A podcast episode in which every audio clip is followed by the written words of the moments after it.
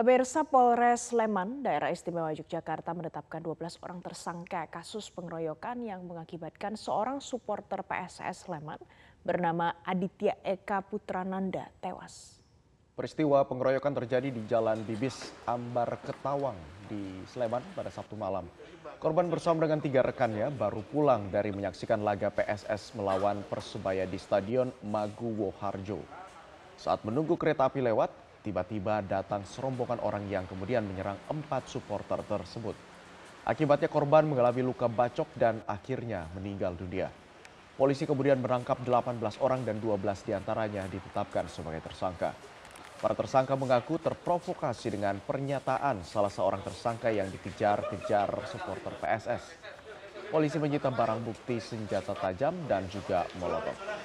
Untuk ke-12 tersangka ini kita lakukan penahanan pasal yang dipersangkakan undang-undang perlindungan anak dan penganiayaan yang menyebabkan meninggalnya dunia dan pasal 170 ayat 2 pengeroyokan penganiayaan secara bersama-sama yang menyebabkan meninggalnya dunia. Ancaman hukuman selama-lamanya 15 tahun. Kasus pembunuhan disertai mutilasi menggegerkan warga Timika, Kabupaten Mimika, Papua. Korban berjumlah empat orang warga Kabupaten Duga yang ditemukan tewas dengan kondisi tubuh tidak utuh. Sebanyak tiga pelaku warga sipil ditangkap dan enam oknum anggota TNI ditetapkan sebagai tersangka diduga terlibat pembunuhan. Upaya pencarian empat orang warga Duga yang sebelumnya diduga hilang akhirnya menemui titik terang. Warga bersama aparat telah menemukan dua dari empat korban yang jasadnya dimutilasi di wilayah Mimika, Papua, tepatnya di sekitar Sungai Kampung Pigapu, Distrik Iwaka, pada Jumat 26 Agustus 2022. Sedangkan dua mobil rental yang digunakan korban ditemukan dalam kondisi hangus terbakar di tempat yang berbeda. Direktur Reserse Kriminal Umum Polda Papua, Kombes Pol Faizal Rahmadani menyatakan pihaknya telah menerjunkan Inafis dan Lapfor untuk mengetahui dengan jelas kondisi pembunuhan ini. Sementara sejauh ini sudah ada tiga terduga pelaku yang ditangkap dan ditahan di Polres Mimika. Motif awal menurut polisi adalah diduga para pelaku hendak menguasai harta para korban. Ya memang ini kita sedang mendalami untuk motifnya. Jadi eh, ada yang sementara kita eh, melihat kasus ini dalam konteks kasus pembunuhan. Pembunuhan eh, ada korban sampai empat orang. kita temukan mayat di sungai arah Pomako uh, itu dua mayat uh, sementara informasi dari anggota di lapangan kemungkinan besar ada dua korban lain yang sedang dicari. Nah, untuk mayatnya ini termutilasi jadi sedang kita cari bagian-bagian tubuh yang lain. Sementara itu, Subdenpom 17 Cendrawasih Mimika diketahui telah mengamankan dan memeriksa enam oknum prajurit TNI Angkatan Darat yang diduga keterlibatannya mereka dalam kasus temuan mayat. Dalam informasi terbaru, Komandan Pusat Polisi Militer Angkatan Darat Letjen TNI Chandra W. Sukoco mengkonfirmasi ke enam oknum TNI AD ditetapkan sebagai tersangka. Puspom AD mengirimkan tim penyidik untuk membantu Subdenpom untuk mengusut tuntas kasus ini. Di sisi lain, pembunuhan disertai mutilasi terjadi pada 22 Agustus 2022 lalu di kawasan SP1 Distrik Mimika Baru mendapat protes dari pihak keluarga korban. Mereka memblokir jalan poros Mimika Paumoko Kampung Kadung Jaya dan menuntut TNI Polri dan Basarnas melakukan pencarian korban yang belum ditemukan. Keluarga juga menuntut para pelaku yang terlibat untuk diproses secara hukum. Satuan Reserse Kriminal Polres Kediri, Jawa Timur, Senin pagi kemarin berhasil mengamankan terduga pelaku penganiayaan balita hingga tewas di rumahnya. Dan hingga saat ini terduga pelaku diketahui masih menjalani perawatan di Rumah Sakit Bayangkara, Kota Kediri, karena diduga mengalami depresi.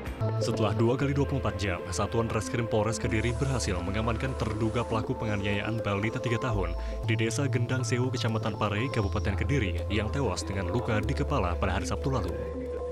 Usai mendapat laporan dari warga dan kerabat, polisi segera mengamankan terduga pelaku pada Senin pagi saat ia berada di belakang rumahnya. Saat diamankan, kondisi terduga pelaku nampak lemah dan terlihat mengalami depresi. Tugas pun langsung membawanya ke Rumah Sakit Bayangkara Kota Kediri untuk mendapatkan perawatan.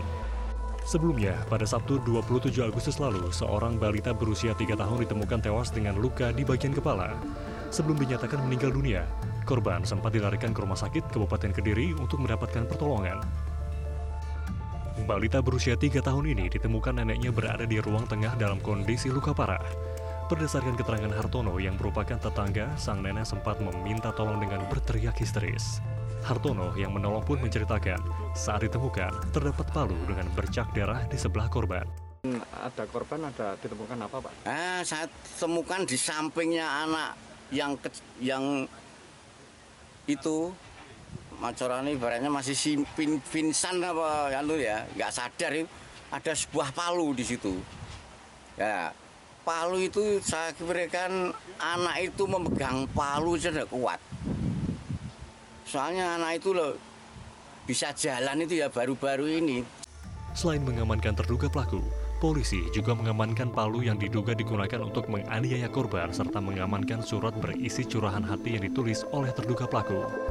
Pertanyaan besar di masyarakat, apakah mengonsumsi telur yang sudah retak atau tidak? Prima, kondisinya masih aman dikonsumsi? Nah, kita akan langsung nih ngobrol dengan pakar kesehatan Dr. Tan Shot Yen. Selamat pagi, Dr. Tan. Ini ada concern dari masyarakat bahwa uh, kandungan gizi telur retak itu dinilai mengurangi kandungan yang ada begitu dan bahayanya seperti apa? Sebenarnya sama tidak dengan telur yang kondisinya masih bagus, katakan seperti itu. Silakan, Dr. Tan. Iya, terima kasih Naila dan Marvin. Jadi yang pertama adalah telur itu berisiko untuk terkontaminasi itu khususnya bukan cuma bakteri tetapi juga salmonella ya. Jadi uh, kita tahu banget bahwa salmonella itu bisa menyebabkan tifus. Dan yang kedua tentu saja tidak higienis dan masa stoknya akan semakin pendek karena telur ini sudah terpapar dengan kontaminasi. Tapi satu hal yang ingin saya katakan bahwa kita nggak usah cuma tergantung sama telur ayam, karena di luar sana masih ada telur puyuh, ada telur bebek gitu loh ya. Oke, jadi uh, sekali lagi yang kita butuhkan dari telur sebetulnya karena telur bisa di stok sebagai makanan dari, usia bayi MPASI 6 bulan sampai dengan orang dewasa tanpa harus menggunakan kulkas.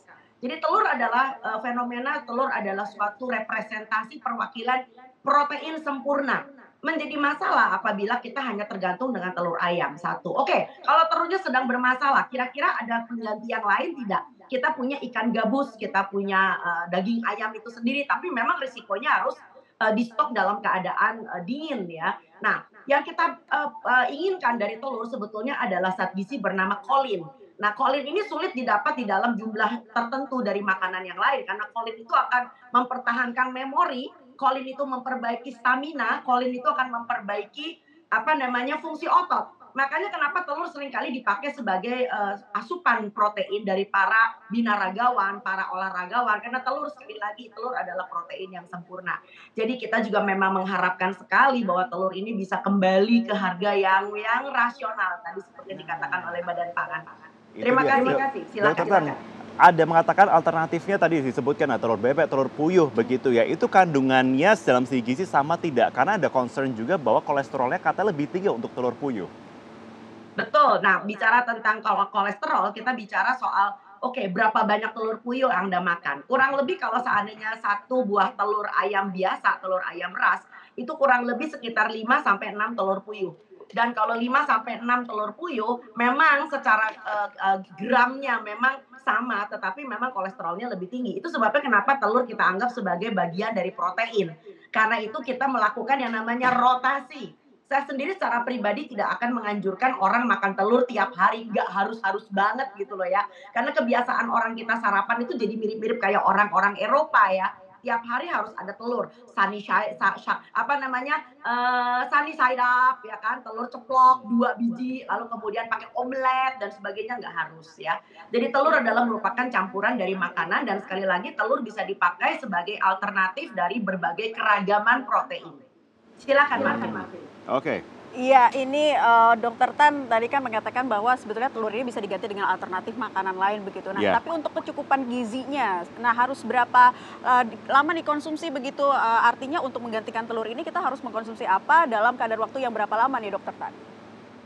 Ya, prinsipnya adalah setiap manusia membutuhkan protein dalam setiap kali makan. Ya, jadi kalau misalnya Anda lagi nggak punya telur, tapi Anda punya ikan gabus, anda punya ayam, maka Anda bisa mengkonsumsi ayam yang tadinya barangkali pepes ayam pakai telur atau bikin gadon, sekarang ayamnya coba dibikin garang asem atau ayam bakar bumbu rujak tanpa telur gitu loh ya. Lalu begitu pula dengan memakan ikan. Kabar baiknya adalah ikan juga merupakan sumber omega 3 terutama ikan uh, ikan kembung ya yang berasal dari ikan laut yang dalam ya. Jadi ikan kembung, ikan barona, ikan kue, ikan kudu-kudu buat orang Indonesia yang ada di sebelah uh, Sulawesi sebelah sana itu adalah merupakan alternatif yang bukan alternatif bahkan ya merupakan keragaman pangan yang baik selain dari telur itu sendiri. Jadi akan menjadi masalah apabila suatu bangsa menja apa ya ngandelin mengandalkan satu jenis bahan pangan itu sebabnya dalam konsep empat pilar gizi seimbang kita disebutkan bahwa makanlah makanan yang beragam, termasuk di dalamnya adalah protein.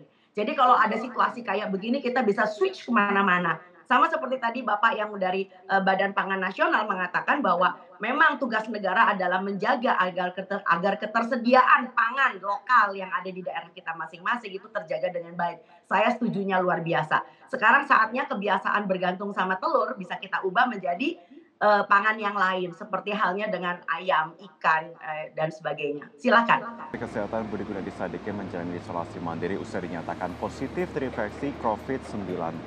Ya, hasil tersebut diketahui usai Menkes Budi menjalani tes PCR pada Senin 29 Agustus. Dalam keterangan tertulisnya, Budi Gunadi menyatakan keterbukaan terhadap status COVID-19 merupakan bentuk tanggung jawabnya sebagai pejabat publik. Hal itu bertujuan untuk mempermudah penelusuran kontak erat sehingga mampu meminimalisir penularan COVID-19. Budi juga menyatakan ini merupakan pertama kali dirinya dinyatakan positif COVID-19 selama menjabat menjadi Menteri Kesehatan sejak Desember 2020. Interaksi dan mobilitas yang tinggi akhir-akhir ini menurutnya menjadi salah satu penyebab dilihat terpapar COVID-19.